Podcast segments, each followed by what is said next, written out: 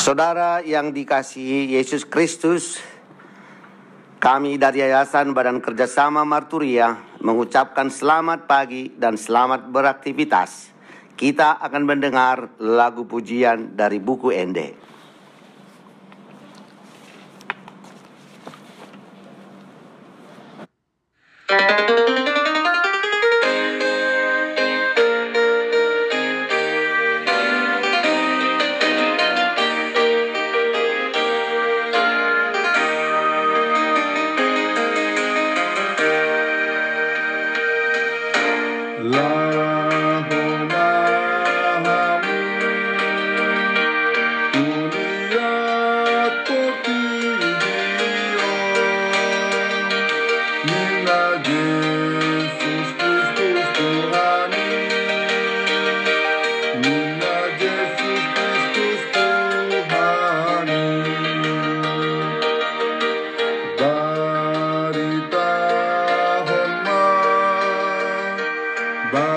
Bye.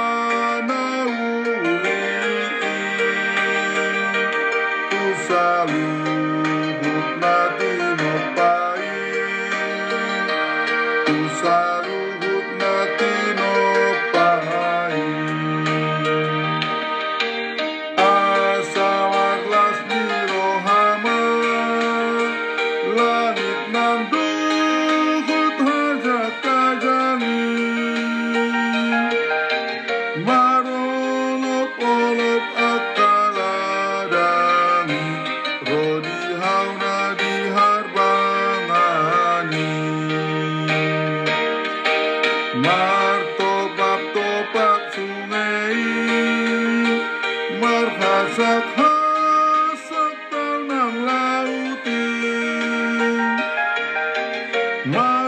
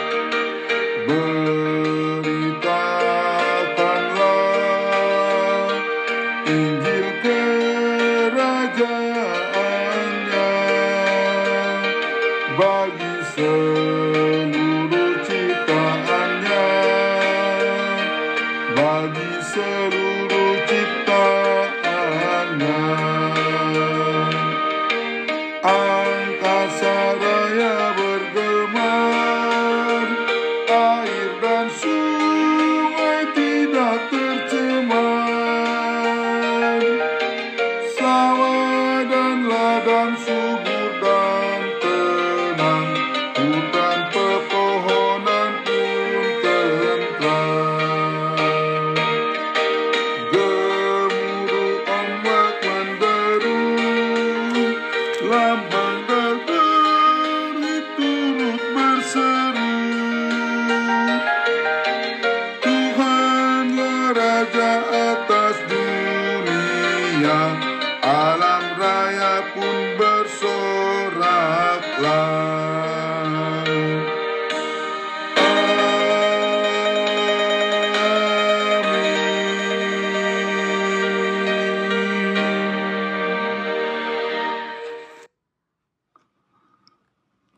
Saudaraku yang dikasihi Tuhan Yesus Kristus, mari kita berdoa sebelum mendengarkan firman Tuhan.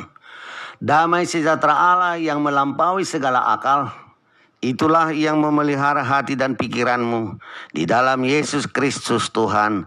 Amin. Saudaraku yang dikasihi Tuhan, firman Tuhan yang kita renungkan pada hari kenaikan Tuhan Yesus Kristus tertulis di dalam Lukas 24 ayat 44 sampai dengan 53 demikianlah firman Tuhan. Ia berkata kepada mereka, inilah perkataanku yang telah kukatakan kepadamu ketika aku masih bersama-sama dengan kamu, yakni bahwa harus digenapi semua yang ada tertulis tentang aku dalam kitab Taurat Musa dan kitab Nabi Dabi dan kitab Mazmur. Lalu ia membuka pikiran mereka sehingga mereka mengerti kitab suci. Katanya kepada mereka, ada tertulis demikian, Mesias harus menderita dan bangkit dari antara orang mati pada hari yang ketiga. Dan lagi, dalam namanya berita tentang pertobatan dan pengampunan dosa harus disampaikan kepada segala bangsa, mulai dari Yerusalem. Kamu adalah saksi dari semuanya ini. Dan aku akan mengirim kepadamu apa yang dijanjikan Bapakku. Tetapi kamu harus tinggal di dalam kota ini sampai kamu diperlengkapi dengan kekuasaan dari tempat tinggi. Lalu Yesus membawa mereka keluar kota sampai dekat Betania. Di situ ia mengangkat tangannya dan memberkati mereka. Dan ketika ia sedang memberkati mereka, ia berpisah dari mereka dan terangkat ke sorga. Mereka sujud menyembah kepadanya, lalu mereka pulang ke Yerusalem dengan sangat bersuka cita. Mereka senantiasa berada di dalam bait Allah dan memuliakan Allah. Demikianlah firman Tuhan, adapun tema menjadi saksi Kristus. Saudaraku yang dikasihi Tuhan Yesus, setelah kebangkitannya, Yesus menampakkan diri kepada murid-muridnya dan selama 40 hari dia memberi tuntunan kepada para rasul yang berisi tugas-tugas misionaris untuk mereka jalankan. Dia membuka pikiran mereka sehingga mereka mengerti kitab suci tentang pertama penderitaan dan kematian Mesias, kedua, kebangkitannya pada hari ketiga, dan ketiga, proklamasi pertobatan dan pengampunan bagi bangsa-bangsa mulai dari Yerusalem. Dan ditutupnya dengan perintah untuk menunggu di Yerusalem sampai mereka menerima kuasa roh kudus untuk memberitakan Injil kepada banyak orang. Sesudah itu, para murid menyaksikan penyempurnaan pengutusan Yesus di dunia dengan naiknya dia ke sorga. Saudaraku, dalam menunggu di bait suci, para murid memancarkan sukacita penuh melalui puji-pujian kepada Tuhan sebagai kesaksian dari orang yang menghayati anugerah pengampunan dosa dan disucikan.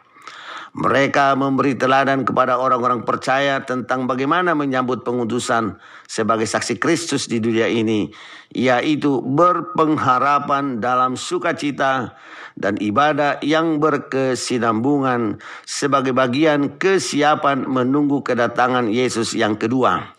Saudaraku, demikianlah Yesus mempersiapkan murid-murid menjadi saksinya sehingga mereka mengerti bahwa apabila Mesias anak Allah, guru mereka harus menderita untuk menyampaikan misi keselamatannya, maka mereka siap mental mengantisipasi yang akan mereka hadapi sebagai saksi Kristus.